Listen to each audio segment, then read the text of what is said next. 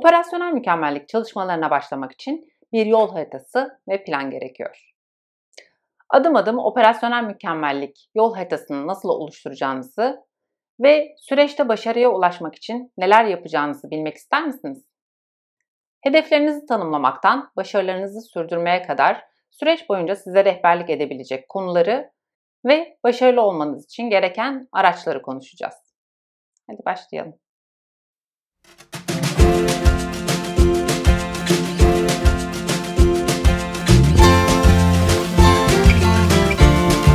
Operasyonel mükemmellik yol haritasını oluşturmak ve planı uygulayabilmek için neler yapılması gerektiğini anlamak için 10 adımdan bahsedeceğiz. Birincisi, operasyonel mükemmelliği firmanız için tanımlayın. Firmanız için operasyonel mükemmellik ne anlama geliyor? Neden bu faaliyetleri yapmak ve başlatmak istiyorsunuz? Öncelikle vizyonunuzu, misyonunuzu düşünerek ve bir adım ileriye giderek SWOT analizinizi yani hangi yönlerimiz güçlü, daha zayıf ve gelişmeye açık yönlerimiz neler, sektörde ve ekonomiye baktığımızda tehditler neler, fırsatlar neler olabilir? Bunları değerlendirerek sizin için operasyonel mükemmelliğin ne demek olduğuna karar verebilirsiniz. Gelişime açık yönleri gidermek için, bunları daha iyi hale getirmek için sektördeki ya da ekonomideki tehditleri birer fırsata çevirmek için ya da daha iyi hale gelmek için, önceki durumumuzdan daha iyi hale gelmek için neler yapılabileceği bizim operasyonel mükemmellik tanımımıza eşleşebilir. Bir diğer nokta kıyaslama, benchmark yapmak olabilir. Sektörümüzdeki diğer firmalar bu konuyla ilgili olarak neler yapıyor? Ya da sektör dışı olabilir ama bize bize fikir verebilecek. Aslında onlar da böyle oluyor ama biz de onu tam olarak öyle değil ama şöyle yapmak istiyoruz dediğimiz neler olabilir? Benchmark ve kıyaslama bizim kendi alanımızla ilgili olarak neler yapmak istediğimiz konusunda fikir verebilir. Bununla ilgili olarak kullanabileceğimiz araçlar özetle vizyonumuz, misyonumuzun yanında SWOT analizi ve kıyaslama benchmark olabilir. Bütün 10 adımla ilgili olarak kullanabileceğimiz araçlarla ilgili özet bir tabloyu videonun sonunda görebilirsiniz. İkinci adımımıza geldiğimizde mevcut durumumuzu değerlendirme. Mevcut durumumuzu bildiğimizde ve firmanın gitmek istediği yönü bildiğinde arasındaki fark aslında bizim için operasyonel mükemmellik çalışmalarında neye odaklanacağımızı göstermesi açısından büyük önem taşıyor. Dolayısıyla biz mevcut durumumuzun ne olduğunu tespit edebilirsek aslında iyi bir başlangıç noktası elde etmiş oluyoruz. Mevcut durumu analiz edebilmek için de burada dört tane araçtan bahsedeceğiz. Değer akış haritalama, proses haritası, veri analizi ve kök neden analizi. Değer akış haritalama bize süreci bütünsel olarak değerlendirmeyi, darboğaz noktalarımızı, operasyonel olarak nerelerde tıkandığımızı ya da yeniden işlem yaptığımızı, proseslerin birbiri arasındaki bağlantısını, malzeme akışını ve bunun yanında aslında iletişimle ilgili olarak bilgi akışını da sağlıyor. Bunlardan herhangi biriyle ilgili olarak bir problemimiz varsa onu değer akış haritalamasını yaparak mevcut durumumuzda neler olduğunu, hangi problemimiz olduğunu tespit edebiliyoruz. Proses haritası kısmında da prosesler arasında doğru bir şekilde akış var mı bunu görmek açısından hızlıca değer akış haritasına göre düşündüğümüzde bir nebze daha kolay yapabiliriz. Çünkü veri toplamamız, sahaya gidip bütün o çevrim süreleriyle ilgili olarak ya da makine problemleriyle ilgili olarak detay çalışma yapmamız gerekmeyen bir konu. Proses haritasını yapmaktaki amacımız da eğer prosesler arasında bir bağlantı yoksa, herhangi bir adımın sonu bir yere bağlanmıyorsa aslında biz bu işi boşuna yapıyoruz demektir. Süreci bütünsel olarak değerlendirmek açısından da bize fikir veriyor. Satış, satın alma, müşteri hizmetleri, pazarlama, garanti işlemleri, üretim faaliyetleri ve lojistik faaliyetleri bütün bunlar hangi çerçevede nasıl birbirleriyle birleşiyorlar? Aslında bu açıdan da fikir veriyor proses haritası. Üçüncüsü veri analizi. Veri analizi sahip olduğumuz verileri hangi amaçla kullanıyoruz? Nasıl veriler elde edebiliriz? Mevcut durumumuzu en iyi gösteren göstergeler nelerdir? Bunlarla ilgili olarak veri topluyor muyuz? Topluyorsak bunları analiz edip nasıl sonuçlara bağlıyoruz? Yani mevcut durumumuzu biz şu anda nasıl ölçüyoruz? Bunlarla ilgili olarak ölçemediğimiz ama operasyonel mükemmellik çalışmalarında gerektiğini düşündüğümüz konular neler? Bunlarla ilgili olarak Hangi verileri toplayabiliriz? Gelecek döneme aslında hazırlık yapıyoruz. Dördüncüsü de kök neden analizi. Bütün bu çalışmaları yaptıktan sonra hangi problemlerimizin olduğu aşağı yukarı belli oluyor gelen hatlarıyla.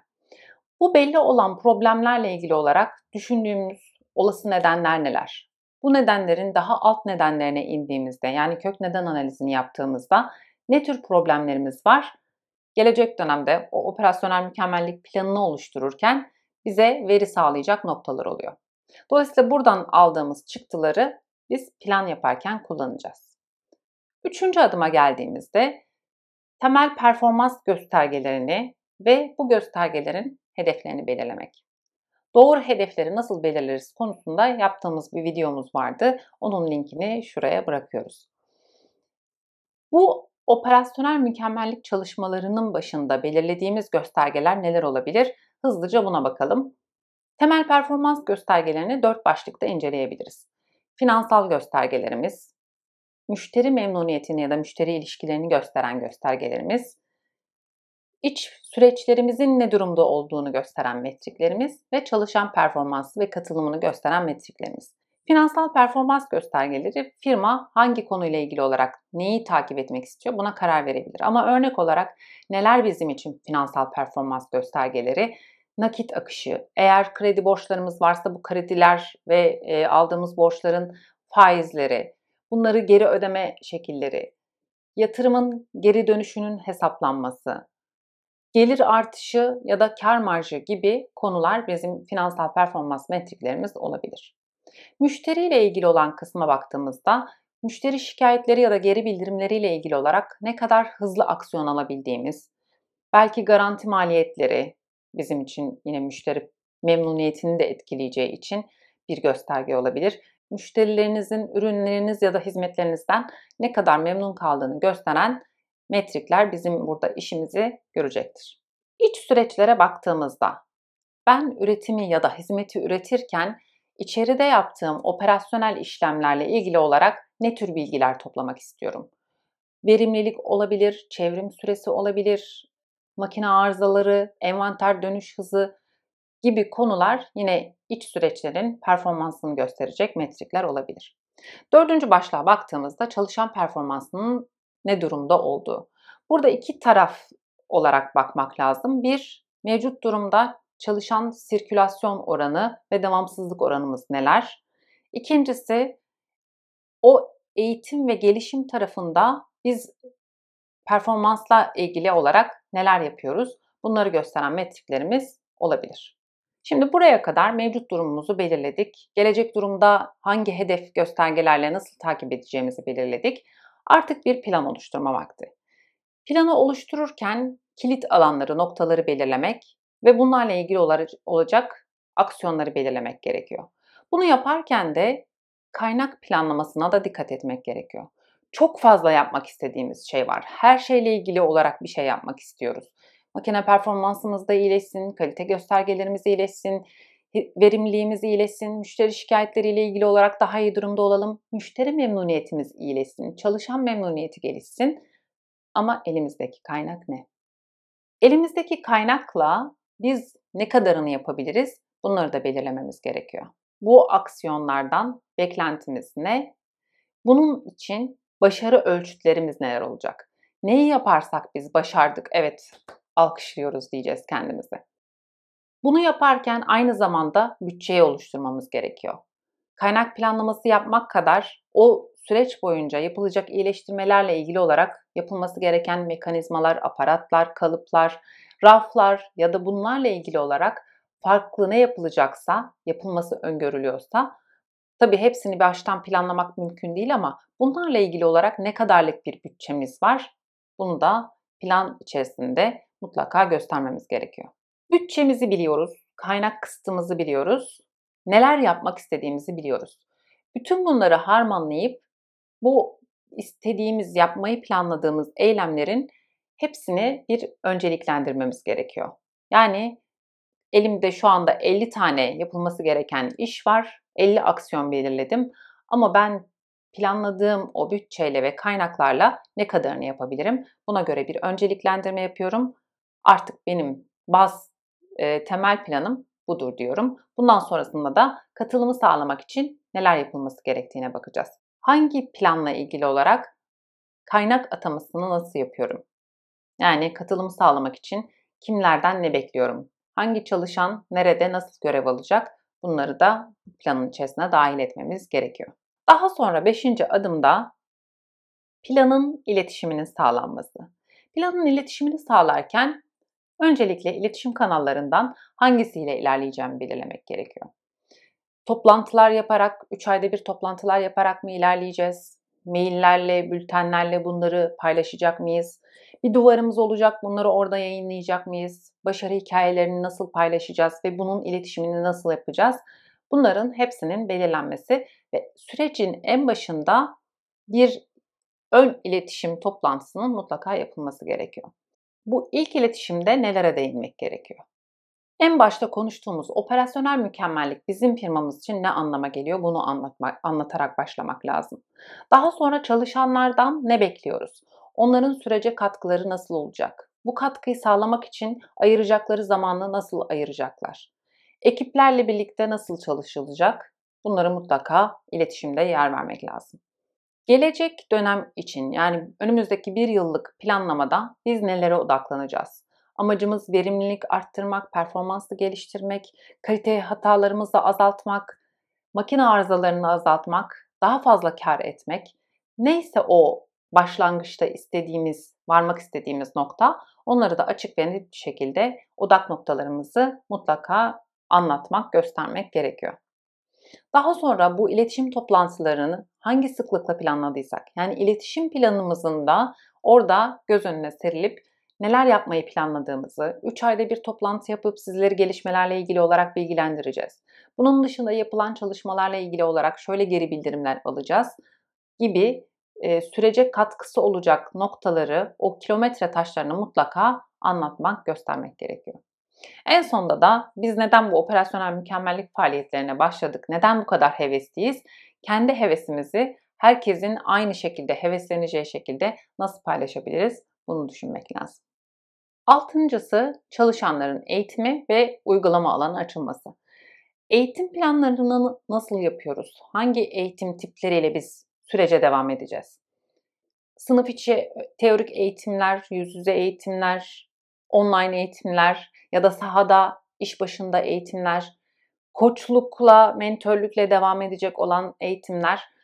Bunların hangilerini planlıyoruz? Kimler için nasıl ilerleyecek? Bunun eğitim planının oluşturulması. Süreç içerisinde ilgili kişilerin ekiplere mentörlük, koçluk yapacağı şekilde bir planlama yapmak gerekiyor. Her ne kadar eğitimi almışsak da ilk uyguladığımız her şeyde nasıl işin acemisiysek aslında bütün o teknik araçlarla ilgili olarak da ne anlatılırsa anlatılsın mutlaka uygulama kısmında görmemiz, uygulama uygulamamız ve uygulayarak öğrenmemiz gerekiyor. Bu uygulama süreci hem çalışanların katılımı açısından önemli. Onlar eğitimde aldıklarını, öğrendiklerini uygulama şansı buluyorlar.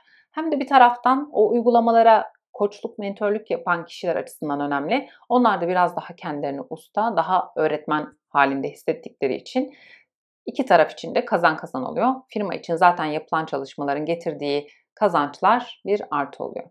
Yedinci adım planı uygulamak. Dördüncü adımda yaptığımız plan ne kadar detaylıysa aslında bu süreçte işimiz o kadar kolaylaşıyor. Planı yaparken kilometre taşlarını, o bizim gözden geçireceğimiz noktaları iyi belirlediysek, belki hızım, çok hızlı bir firmayız, her ay gözden geçirmek isteyeceğiz. Belki biraz daha yavaş aksiyon alıyoruz, bunları 3 ayda bir gözden geçirmek isteyeceğiz. Yönetimle birlikte bu faaliyetlerin, planlamanın gözden geçireceği standart zamanlar, kilometre taşlarının ne olduğunu belirlemek lazım. Sorumlulukları atıyoruz. Yani plan içerisindeki hangi görevler için kimler sponsor olacak, kimler lider olacak, kimler ekip içerisindeki üyeler olacak. Bunları belirliyoruz ve sürecin daha sonrasında izliyoruz, takip ediyoruz, değerlendiriyoruz. O kilometre taşlarında hangi yöntemlerle süreci izleyeceğimizi de belirlersek, nasıl bir raporlama formatında, nasıl bir toplantı planlıyoruz, yüz yüze toplantılar olacak ve bunların veri aktarımı, bilgi aktarımı nasıl olacak? Bunları hep planlayıp izleme ve değerlendirmede de daha sonra süreçte takipte kalıyoruz. Sekizinci adıma geldiğimizde planın ayarlamalarının yapılması. Süreç içerisinde baktık ki planladığımızdan daha hızlı ilerliyoruz. Biz sürecin en başında dedik ki 3 ayda bir gözden geçirmemiz gerekiyor. Ama 2 ayda da biz istediğimiz sonuca ulaşıyoruz. O zaman bunları güncellemek, 3 ayda bir belirlediğimiz gözden geçirmeleri 2 ayda bire almak ya da tam tersi 3 ayda planlamıştık ama 4 aya sarkıyor. Öncelikle tabii nedenini araştırmak lazım. Bizim en baştaki kaynak planlamamızda mı sıkıntımız vardı? Ya da bütçeyi mi doğru planlamadık? Bunlara bakmak gerekiyor. Ama mevcut durumdaki ilerleyişimiz süreçte 4 aysa, 2 aysa bunları da göz önünde bulundurarak eğer gerekliyse planda ayarlamaları yapmak lazım. Dokuzuncu adım, en eğlenceli kısım, başarılarınızı kutlayın. Başarıları kutlamak için bir yöntem belirleyin. Gördüğünüz gibi aslında her noktada işi olabildiğince standartlaştırmaya, bir yöntem belirleyecek hale gelmeye getirmeye çalışıyoruz. Başarıları kutlamak için de bir standart oluşturun. Takdir tanıma etkinliği düzenleyebilirsiniz. Başarı duvarı yaratıp o var olan başarıları, gösterilen başarıları orada yayınlayabilirsiniz. Bunlar online'da bültenler de olabilir ya da sürekli herkesin gördüğü bir duvarda aylık olarak, düzenli olarak gözden geçirilecek ve yenilenecek şekilde başarı duvarı oluşturup burada da yayınlayabilirsiniz. Başarı sertifikaları vermek olabilir, teşvikler sunmak olabilir, başarı hikayelerini paylaşmak olabilir. Başarı hikayelerini sadece işte hani arkadaşlar da bunu yapmışlar, bravo değil, neler yaptıklarını, kişilerin kendilerinin anlatacağı ortamlar yaratmak ve herkese bunun duyurulması önemli. Bir işi yapan kişiler açısından evet böyle bir şey yaptık, çaba sarf ettik ve bunu artık herkes tarafından bilinir hale getirdik kısmı var. İkincisi de firma açısından düşündüğünüzde farklı bir alanda yapılmış uygulama benim alanım içinde iyileştirme fırsatı olabilir ve ben bunu görmemiş olabilirim. O başarıları paylaştığınızda benim kendi alanım içinde yaygınlaştırmaya fırsat açmış oluyoruz. Dolayısıyla paylaşıldıkça çoğalan başarılar oluyor. 10. adımda artık operasyonel mükemmellik sistemi ile ilgili olarak sürdürülebilirliği sağlamak kalıyor. Hani hep bahsedilen sürekli iyileştirme, operasyonel mükemmellik kültürü. Siz teknikleri belirler, doğru kaynakları ve bütçeyi ayırırsanız ve sürecin takipçisi olursanız aslında insanlar yolda öğrene öğrene, uygulaya uygulaya devam ediyor ve bu bir süre sonra şirketin kültürü haline geliyor. Yani ben şöyle bir kültürü yaratayım şeklinde bir kolay bir iş yok. Bunun yanında bu bahsettiğimiz araçların, kaynağın, bütçenin ayrılmasının yanında tabii hijyen faktörleri dediğimiz temel ihtiyaçların firmada var olduğunu düşünerek bunu söylüyoruz. Eğer çalışanların, insanların şu anda mevcutta başka dertleri varsa şöyle düşünün yeme içme problemi olan birine siz diyorsunuz ki hayatını güzelleştirmek için aslında sinemaya gitmelisin, tiyatroya gitmelisin, klasik müzik dinlemelisin, spor yapmalısın. Yeme içme barınma gibi problemleri olan bir insan için bunu söylemek ne kadar abesle iştigalse aslında sahada da çalışanların iş güvenliğinden, iş güvencesinden duydukları sıkıntılar varsa ya da başka problemleri varsa bunlarla ilgili olarak o konuların öncelikli olarak çözülmesi sürekli iyileştirme kültürünün de ilerlemesi açısından, gelişmesi açısından önemli noktalardan biri. Süreç devam ederken süreç dokümantasyonu ve gözden geçirmelerinin yapılması, gerekli denetimlerin planlanması ve bunların planlandığı şekilde yapılması, Aynı şekilde en başta planladığımız iletişim planımız vardı, başarılarımızı kutlayacaktık. Bunların söz verdiğimiz şekilde yerine getirilmesi, bu kültürün devam ettirilmesi açısından önemli. Videonun başında bahsettiğimiz 10 adımda kullanılabilecek araçların neler olduğunu da burada görebilirsiniz. Bunlar tabii ki standart ille de bunların olması gerekiyor gibi bir yaptırım yok. Ama kullanabileceğiniz araçlarla ilgili olarak size fikir verecek, hangi adımda hangi araçları kullanacaksınız ve o adımdaki temel amacımız ne? Burada özet olarak görebileceğiniz tablolarımız var. Operasyonel mükemmellik, araçları, faaliyetler ve bu konularla ilgili olarak daha fazla video görmek ve izlemek isterseniz, yeni videolardan haberdar olmak isterseniz kanala abone olup zil tuşuna basabilirsiniz. Şimdilik hoşçakalın.